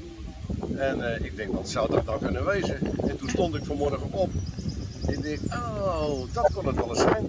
De Munnikenbrug. Ze hebben de fundering van de Munnikenbrug gevonden. Voor de stichting maakt het natuurlijk niet zoveel uit, maar voor de historie is het natuurlijk geweldig. En we kunnen er weer een verhaal aan, uh, aan wijden in onze chroniek van volgend jaar. Uh, nou ja, ik hield er wel rekening mee dat hij hier zou moeten zitten. Maar er was ook een serieuze kans dat we hem niet zouden zien. Uh, omdat, nou ja, je ziet de aanlegdiepte is heel gering. maar dit bewijst dus maar eens wederom eigenlijk, wat we altijd zien, is dat de geschiedenis dus letterlijk onder je voeten ligt. je hoeft maar een heel klein stukje de grond in om de resten van, van de voorouders tegen te komen.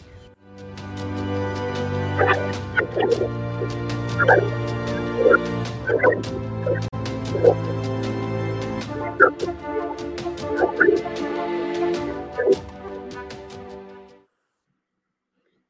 dus uh, je ziet zeg maar, ook hier ligt letterlijk onder je voeten. En uh, zelfs zeg maar uit zo'n brug, zeg maar, waarvan jij denkt van, nou ja, het is een brug, weet je, kun je dus heel veel extra informatie uh, halen.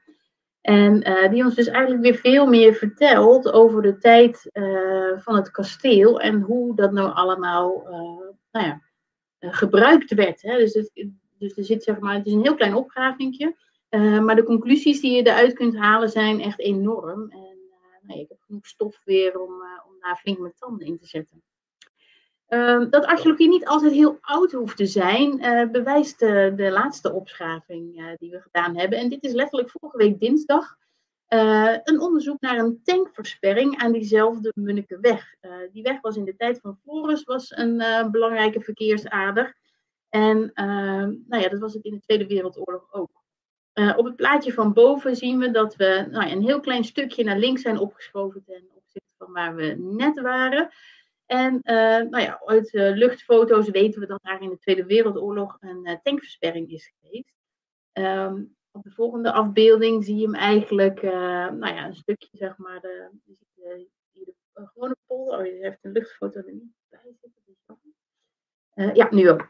dan zie je eigenlijk ehm, zo'n soort zigzaglijn dwars door het landschap. En die wordt gemaakt door een hele reeks met haaientanden, en haaientanden, dat zijn een soort betonblokken. Je ziet op de volgende slide staan.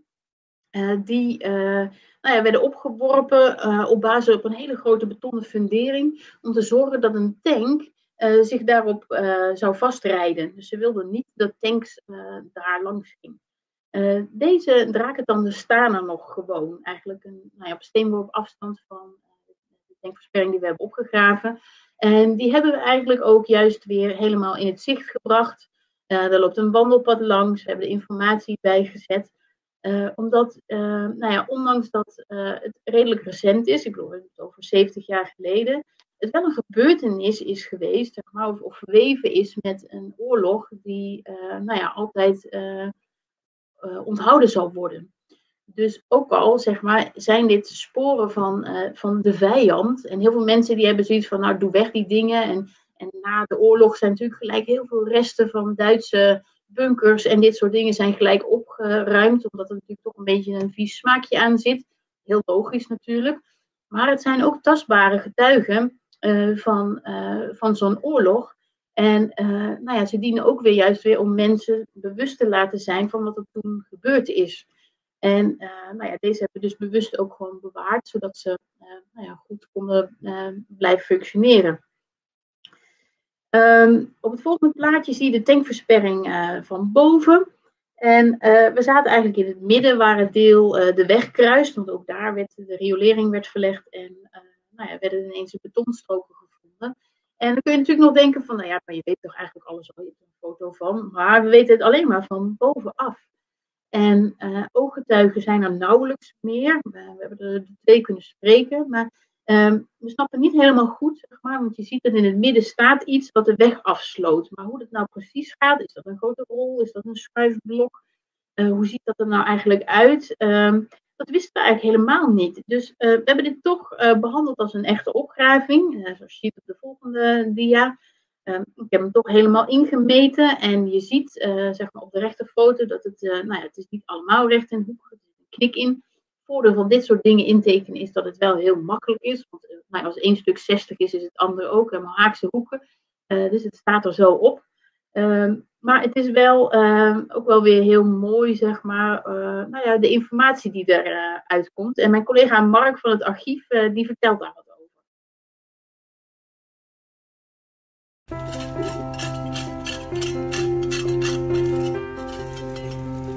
we staan hier bij de zogenaamde drakentanden aan de Munnikenweg.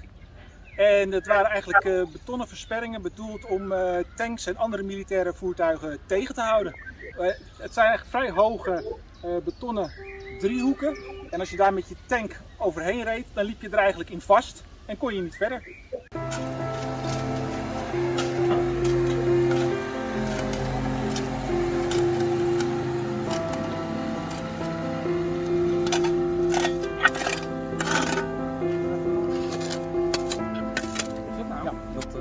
Stond dat we dit uh, zouden moeten slopen.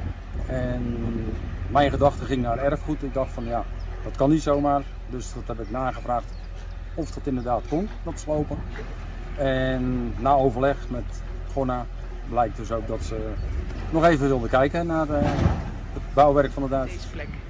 De drakentanden die aan beide kanten van de Munnikenweg zaten, die kwamen hier samen op, op, deze plek. En dit was eigenlijk de plek waar dan de, de weg werd afgesloten. Ja, de Munnikenweg was een belangrijke weg uh, in de tijd van de Tweede Wereldoorlog. En de Duitsers, de Duitse bezetter, uh, hebben eigenlijk deze weg dus uh, dichtgemaakt, zodat er eigenlijk geen voertuigen doorheen konden of vijanden vanuit de, de kust richting het binnenland konden, zouden kunnen rijden.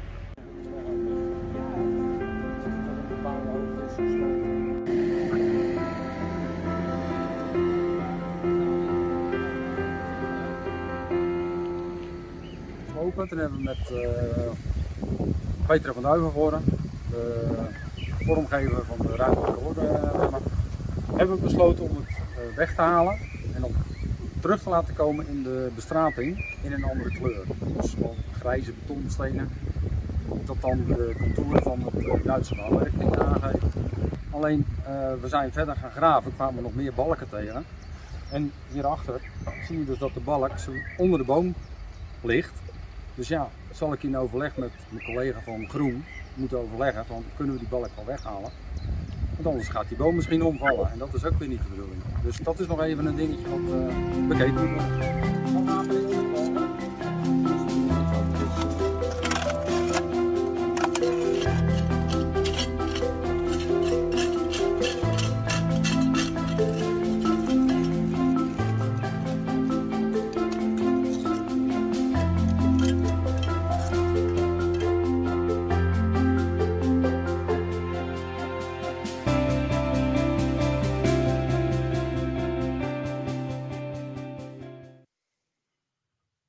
Dit is dus uh, ook archeologie. Uh, de archeologie van uh, de Tweede Wereldoorlog. En nou ja, we behandelen dat eigenlijk ook als gewone opgravingen.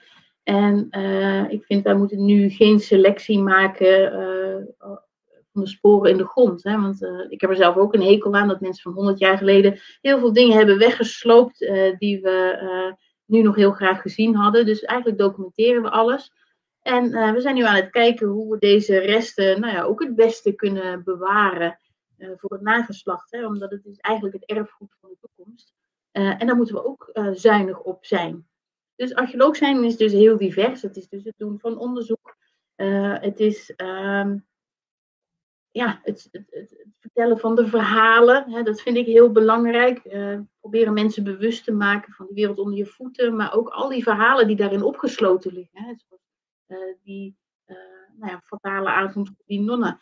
Uh, voor de weerslag van zo'n herberg na zoveel jaar. het maken van zo'n zo'n brug. En dat zijn eigenlijk allemaal dingen die nou ja, op ieder op een eigen manier de kijk op de geschiedenis geven. We proberen heel veel aan publieksbereik te doen. Uh, nou, je zag de filmpjes, zag je natuurlijk al voorbij komen. Daarmee proberen we mensen, zeg maar, te betrekken bij het onderzoek. Hè. Dus als we filmpjes doen, vragen we ook bewust aan mensen langs de kant hoe zij dit ervaren. Of, of een graafmachinist, hoe ervaart hij dat nou? Hè? Want heel vaak zijn mensen die aan het begin van een onderzoek uh, en het nog nooit gedaan hebben, zijn vaak vrij sceptisch van ja, archeologie en die onzin. En gaandeweg het onderzoek, zeg maar, zie je dat ze zich bewust worden van al die verschillende laagjes. En uh, dat ze het uiteindelijk ook heel uh, leuk en heel interessant gaan vinden. Uh, dus een heel belangrijk deel van ons uh, vak is ook het delen van informatie. Dus we hebben ook uh, een hele eigen website daarvoor gemaakt. alle boeken die we schrijven, zeg maar, die, nou ja, die zijn ook voor iedereen gewoon gratis te downloaden op onze site. Omdat wij erin geloven nou ja, dat de geschiedenis ook letterlijk voor iedereen toegankelijk moet zijn. Dus niet alleen voor die mensen die toevallig in staat zijn om het boek te kopen. Dus dat is voor iedereen te doen. En verder ehm, doen we ook drie keer per jaar maken we een heel magazine. en ook in het magazine is, ehm, is ook heel belangrijk dat nou ja, niet alleen wij aan het woord komen. op de volgende slide zie je zeg maar, een beetje, een beetje een indrukje daarvan. Maar we laten ook vooral mensen zelf aan het woord. Dus ook de mensen die een monument hebben laten restaureren en daar heel trots op zijn. dus dat mensen zelf hun eigen verhalen delen over het erfgoed, wat ons eigenlijk allemaal verbindt. En nou ja, dat is waar wij zo hele dagen mee bezig zijn. En nou ja, wat wij heel graag met in iedereen delen. En ja, nou ja, we hopen natuurlijk ook dat, dat ik nou ja, bij iedereen een beetje nou ja, duidelijk heb kunnen maken wat archeologie allemaal kan inhouden. Want het is natuurlijk nog veel breder, natuurlijk nog veel meer periodes. En nou ja, ik hoop dat jullie onze verhalen willen volgen. Oké, okay. ben ik het te horen? Uh, jeetje, Nancy, wat, wat, wat, een verhaal, wat, wat mooi. Ik, uh, ik heb ervan genoten. Ik heb lekker zitten kijken en uh, ik, ik vond het vooral je laatste zin heel mooi van bewust worden van de wereld onder je voeten. Want dat is natuurlijk wel een dingetje, dat mensen echt gaan begrijpen wat voor werk je doet en wat, wat, wat, wat het kan opleveren, zoiets. Hè? Ja. Nee, dat is ook hoor. Heel veel mensen realiseren zich vaak niet wat er allemaal is. We hebben in 2009 een opgraving gedaan bij een parkeerterrein midden in de binnenstad voor een supermarkt. Uh, waarvan wij wisten dat uh, daar een begraafplaats lag. en waar mensen, zeg maar, op het moment dat de begraafplaats werd opgegraven, dachten van, oh, hebben we na al die jaren daar mijn auto op geparkeerd, weet je, op, op die mensen. Ja. En, en heel vaak, zeg maar, ook, dat merkten we na de opgraving van die brug, het was dichtgedraaid en het hele weekend hebben daar mensen langs de kant gestaan, zo van, hé, hey, hier was die brug. En en dan zie je dat mensen toch weer anders gaan kijken naar hun eigen omgeving. En dat is eigenlijk wat we hopen te bereiken. Als dat mensen zeg maar, die extra dimensie uh, nou ja, ook kunnen waarnemen.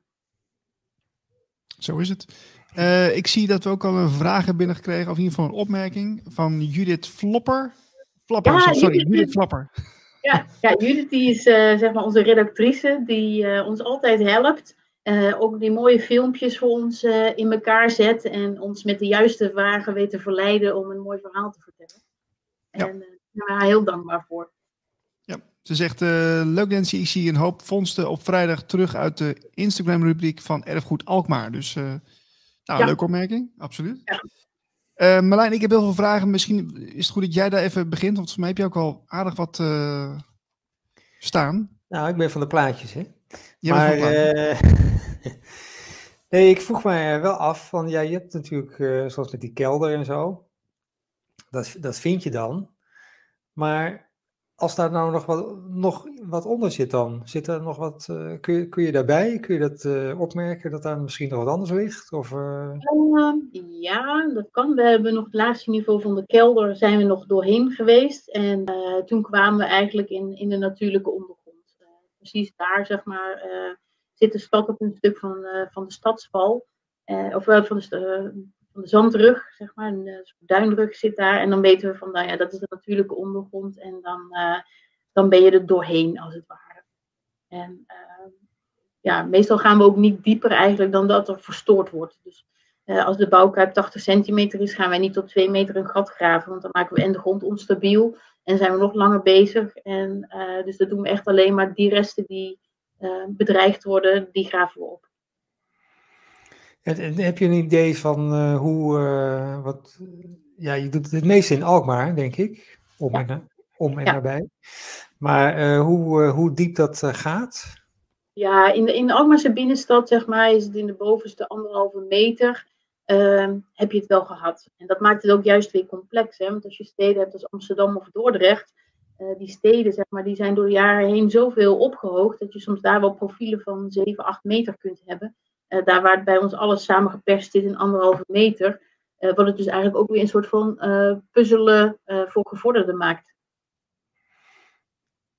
Ja, kun, je, kun je ons uitleggen, ja, misschien is het voor sommigen wel heel logisch, maar hoe kan het dat, dat zoveel huizen heel gelaagd op elkaar liggen in de loop van de jaren? Hoe, hoe, hoe werkt zoiets? Nou, het heeft ook te maken zeg maar, met eh, de wisselende grondwaterstanden door de eeuwen heen. Eh, Noord-Holland, zeg maar, eh, nou, in ieder geval in, in de 12e en de 13e eeuw ziet het er iedere 50 jaar totaal anders uit door het water, wat heel veel invloeden heeft. Na de, de, de Elisabethsvloed, zeg maar, en allerlei andere stormvloeden in de regio, zie je dat het grondwaterniveau op een gegeven moment veranderd is. En dan zie je eigenlijk dat in een bepaalde periode in de binnenstad in één keer alles 80 centimeter opgehoogd wordt, zodat de mensen gewoon eh, droge voeten kunnen houden. En dat zie je dus ook terug in, in die huizen. Dus je ziet dat die vloeren elkaar opvolgen. En dat kan je vaak direct koppelen aan dat soort grondwaterstandwisselingen. Oké, oké. Ehm, m- maken jullie ook v- regelmatig dingen kapot in, eh, of, of tijdens jullie opgravingen, of, of valt dat mee? Nou ja, eigenlijk is, is opgraven is kapot maken. Eh, en dat is ook eh, waarom we graag willen opgraven. Hè? Dus op het moment dat iemand gaat bouwen en je zou dat ongezien eh, wegscheppen. eh, ik zeg altijd, de geschiedenis zeg maar, is als een boek met allemaal verschillende regels. En op het moment dat jij een, eh, een bouwput graaft, gum je als het ware een regel uit die geschiedenis weg. En als je dat niet zou opgraven iedere keer, als je maar genoeg van die regels weggumt, krijg je een onleesbaar verhaal. En eigenlijk wat wij doen met een opgraving is, nou ja, het moet toch vernietigd worden, maar dan leggen we het heel goed vast. En dan plakken we als het ware die regel door een goede opgraving als een soort post-it weer terug in het boek. En eh, dus ja, opgraven is een stuk maken. En eh, qua, de, qua de scherven, zeg maar, die eh, zijn vaak al stuk, dus daar valt niet zoveel meer aan stuk te maken. Maar ja, eigenlijk opgraven is dus stuk maken. Oké. Ik zie een vraag van Peter Hoebe. Worden de vondsten van de laatste twee jaar ook in nieuwe fysieke RAMA Ah, gepubliceerd? ja, ja, ja. Nee, dat gaat zeker gebeuren. De RAMA, dat staat voor eh, onze RAMA-reeks. En dat is de reeks eh, Archeologische Monumenten Alkmaar.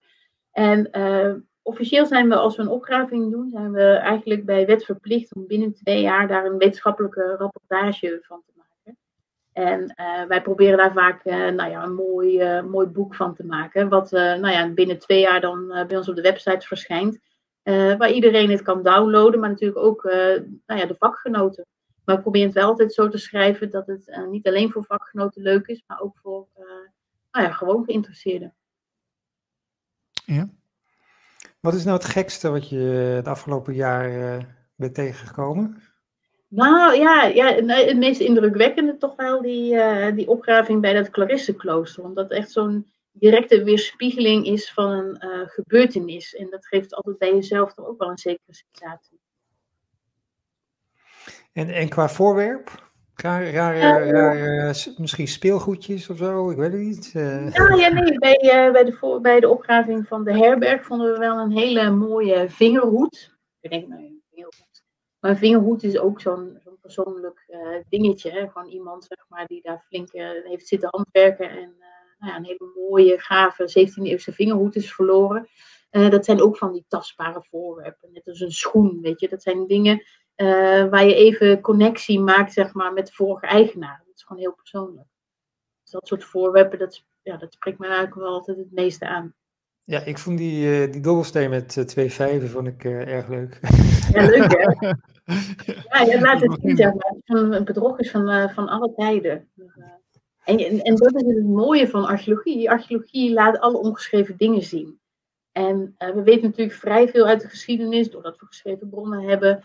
Eh, maar daarbij moeten we natuurlijk ook altijd in het achterhoofd houden. eh, nou ja, wie schreven er in die tijd hè, en waarom? En dat zijn over het algemeen rijke mensen die schrijven. En die schrijven over dingen die rijke mensen bezighouden. En dat is over het algemeen niet het gewone volk. En het leuke met archeologie is, je vindt de resten van iedereen, van arm en rijk. En daardoor krijgen eigenlijk eh, de arme mensen, die eigenlijk in de geschiedenis een beetje weggepoetst worden, of eh, net als op de schilderijen van Jan Steen, een beetje gekscherend en schertsend eh, worden neergezet. Dan geef je op die manier eigenlijk ook weer een stem. Ja. Ehm, ik, ik was even benieuwd, hè, want jullie hebben natuurlijk, eh, jullie worden op een gegeven moment, kunnen jullie ergens gaan graven of zo? Of, eh, dat- is een mogelijke vondst. Maar dan is er ook een nieuwbouwproject. Eh, z- zitten jullie wel eens in conflict of valt het mee? Nee, nee, we zitten eigenlijk zelden in conflict, omdat we eigenlijk vooraf gewoon hele goede afspraken maken. Archeologie is een wettelijk verplicht onderdeel. En uh, ja, we zeggen ook altijd, leuker kunnen we het niet maken, wel makkelijker. Dus uh, binnen Alkmaar uh, nou ja, zetten wij ons ook wel heel erg in om nou ja, dat allemaal zo makkelijk mogelijk te maken. Dus ja, mensen vinden het niet altijd leuk dat het moet gebeuren. Maar ja, als het dan toch moet gebeuren, dan maar het liefst zo makkelijk mogelijk. En nou ja, daar zetten we ons in eigenlijk. Dus dat we er alle twee nou ja, wat winst bij halen. En, nou ja, voor heel veel plekken, zeg maar, geeft het ook weer extra aandacht. Hè? Dus Net als die herberg die nu verbouwd wordt tot een nieuw restaurant. Uh, het geeft ook weer extra PR tijdens zo'n verbouwing. Dus dat proberen we dan ook altijd te doen. Dus, dus waar kan, uh, nemen we die mensen het liefst ook nog eenmaal mee. Dus ja, ja. conflict, mensen vinden het niet altijd leuk. Uh, maar we doen wel ons best zeg maar, om het allemaal zo goed mogelijk in te passen. En over het algemeen meten mensen eigenlijk op het moment dat ze de bouwvergunning al krijgen en hun planning nog niet eens hebben, al dat er archeologisch onderzoek moet plaatsvinden en hoeveel dagen dat moet zijn. Dus dat gaat over het algemeen heel soepel. Oké, okay, oké, okay, dat is fijn. Uh, in, in een van de video's zag ik ook dat jullie bezig zijn met radartechnologie om te kijken wat er in de bodem zit. Ja. hoe, diep, hoe diep kunnen jullie daarin kijken? Uh, nou ja, dat is van veel factoren afhankelijk, zeg maar. Bijvoorbeeld bij een grondradar hangt het af, zeg maar, van hoeveel hertz zo'n antenne is, zeg maar. Bij sommige kun je heel diep kijken, maar is de resolutie heel laag. En bij andere antennes kijk je wat minder diep met een hogere resolutie. Maar het hangt ook weer heel sterk af van, van de bodemstoort en de bodemgesteldheid.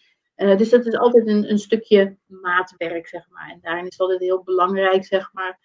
Zeker in archeologisch onderzoek, dat de geofysicus, dus degene die fysiek onderzoek uitvoert, daar ook een heel goed plan voor maakt in samenhang met de archeoloog. Want ik weet heel goed wat ik kan verwachten. Uh, en hij kan dan bepalen in, in welke mate ik, wat ik zoek contrasteert met de omgeving en daar de juiste techniek op in te zetten. Dus dat is ook zeg maar binnen het grote onderzoek wat ik doe naar de kastelen, proberen we die methode eigenlijk ook steeds meer te verfijnen. Dus dat we eigenlijk ook nou ja, steeds betere resultaten daarmee uh, mee kunnen halen. Ja, maar je, je bent nu stadsarcheoloog uh, in, in Alkmaar. Ja. zou je ook niet over de grens keer willen, willen zoeken, nou, willen, willen graven? Lijkt me wel heel gaaf.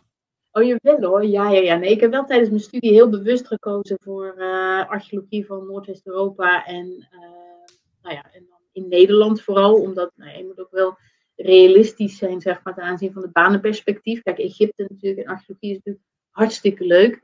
Alleen de kans dat je daar een baan in vindt is, nou ja, nul. Uh, hetzelfde met mediterrane archeologie. Dus over de Grieken en de Romeinen is natuurlijk hartstikke leuk. En maar ja, ook daar kun je niet echt, uh, nou ja, alleen de allerbeste vinden daar een goede baan in. Dus ik heb wel heel bewust gekozen, zeg maar, voor deze kant. Maar natuurlijk, het lijkt me hartstikke leuk om een keer in Egypte zoiets mee te maken, ja. Alleen ja, die kansen, die, ja, die komen niet zomaar voorbij.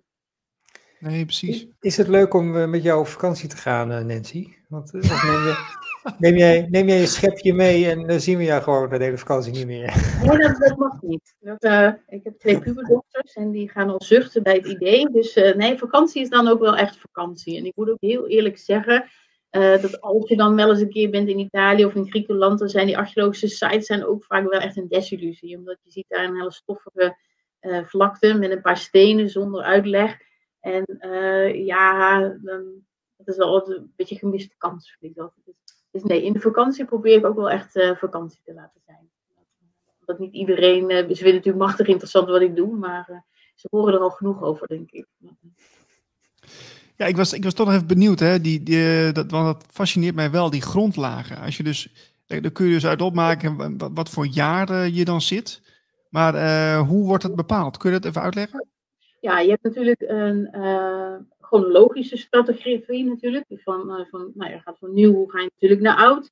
En je hebt ook een relatieve strategie. Dus als, als uh, A door B gaat, wil het zeggen dat B ouder is dan A.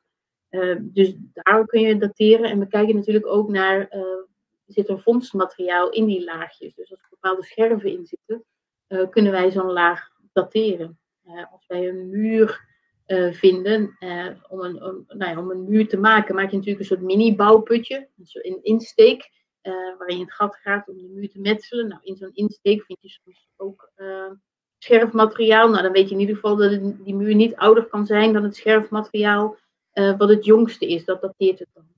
Eh, dus op die manier hebben we eigenlijk allerlei foefjes. Eh, soms kun je een muur hebben waar een, een houten plaat onder zit. In kelders gebeurt het nog wel eens. Eh, die kunnen we insturen voor dendrochronologische datering. Eh, dus op basis van jaringonderzoek. Iedere boom eh, in dezelfde omgeving kent hetzelfde groeipatroon. Dus een goede zomer is een dikke jaring. En, eh, een slechte winter, zeg maar, is een weer dunnere. En dat is eigenlijk een soort unieke streepjescode die ergens is vastgelegd. Dus op het moment dat ik zo'n plank instuur, kunnen zij de streepjescode van die plank leggen langs die hele lange reeks. En dan kunnen ze eigenlijk vrij nauwkeurig eh, aangeven wat eh, de kapdatum van die boom was. Dus dat helpt ons ook eh, om eh, te kunnen dateren. Hmm. Oké, interessant. Ja.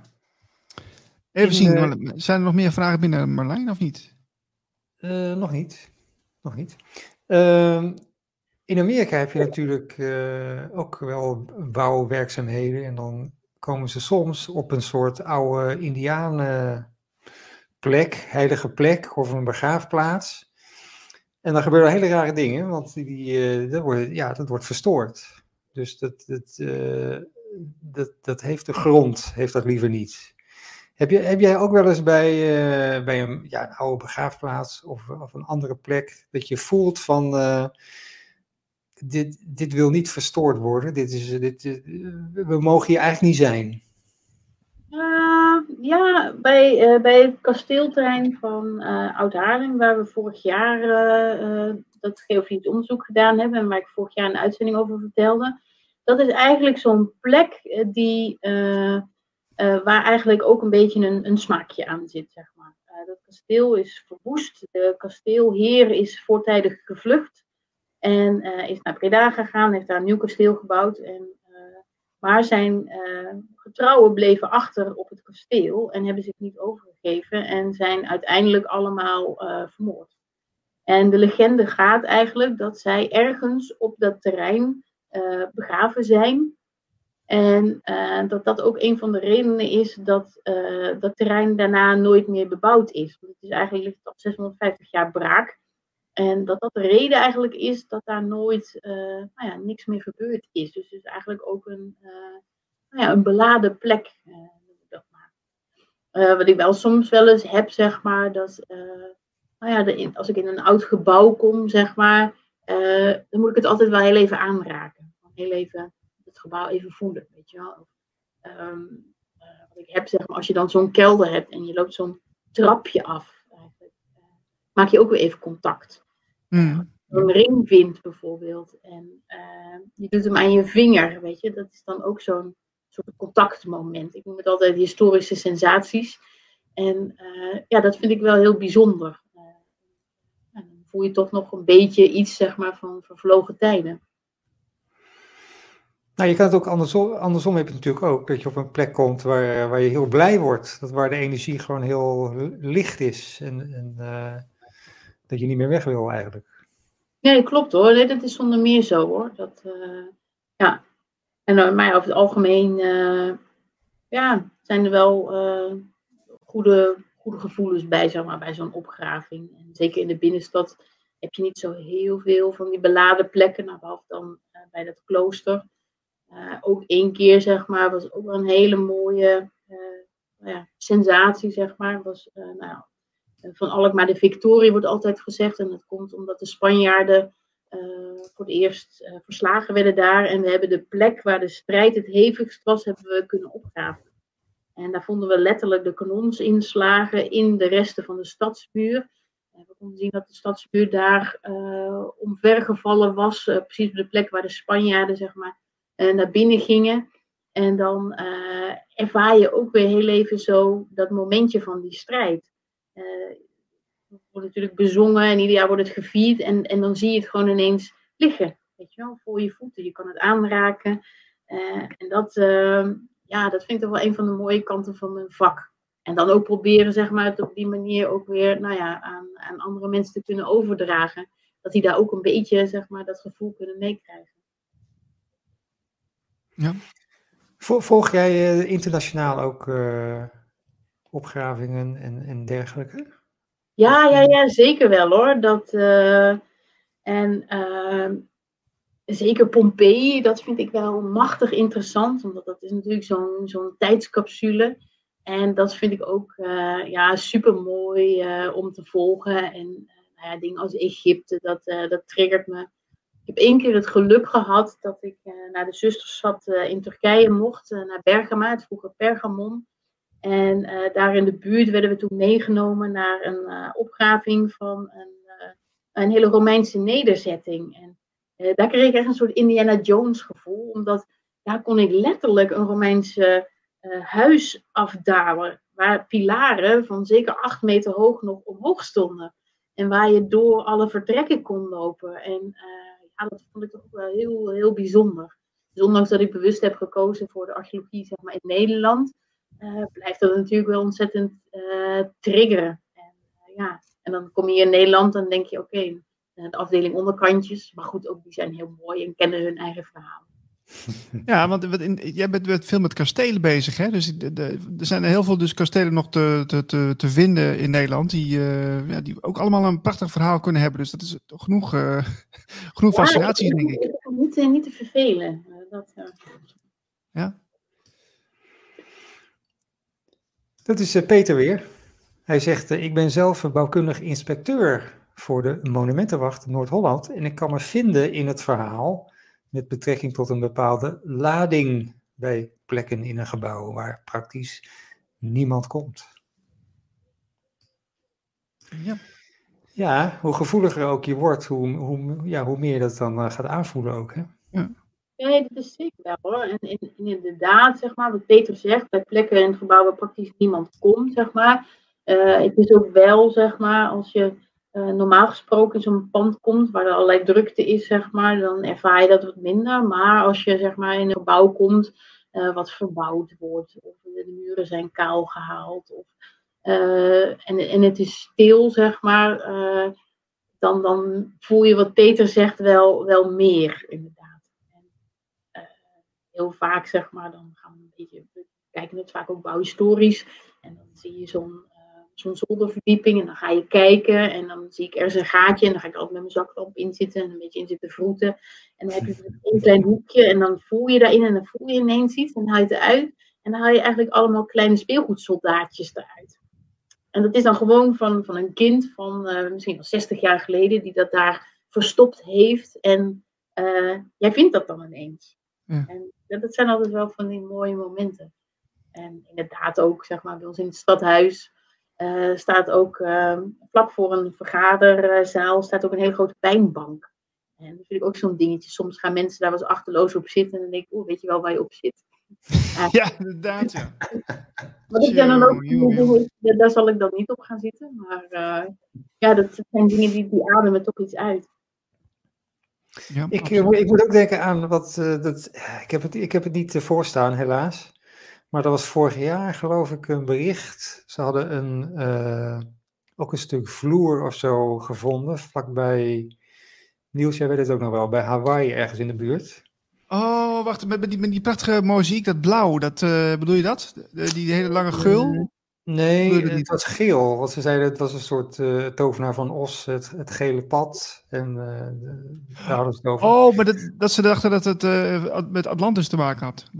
Bedoel je die of niet? Dat, ja, dat zou kunnen, ja. Ja, ja, ja, ja. ja, ja. Maar goed, het is allemaal weet, je daarvan, weet je daarvan, Nancy? Of, niet, niet helemaal paraat. Wel inderdaad dat ze laatst in Engeland zo'n mega grote Romeinse mozaïek hadden gevonden. Echt, zo mooi en zo fel van kleur. Maar die gaan we niet vinden in Alkmaar. De Romeinen hielden het uh, hier uh, voor gezien. Het was veel te nat en, en niet aantrekkelijk. Nee, nee, precies. ik, ik zit zelf, heb ik nog een paar vragen. Even kijken hoor. Ja, die grondlaag heb ik gehad. Ja, wat ik nog wilde weten, want jij hebt natuurlijk de opleiding gedaan tot archeoloog. Ho hoe lang duurt zo'n opleiding eigenlijk? Uh, in principe is het een, uh, een, een, universitaire studie van, van vier jaar. En je kunt op een aantal plaatsen in Nederland kun je studeren. Zelf heb ik aan de Universiteit van Amsterdam gestudeerd. En je eerste drie jaar die zijn redelijk algemeen. En krijg je ook heel veel van de mediterrane archeologie. Dus ik heb er wel over geleerd, over de Griekse en de Romeinse archeologie.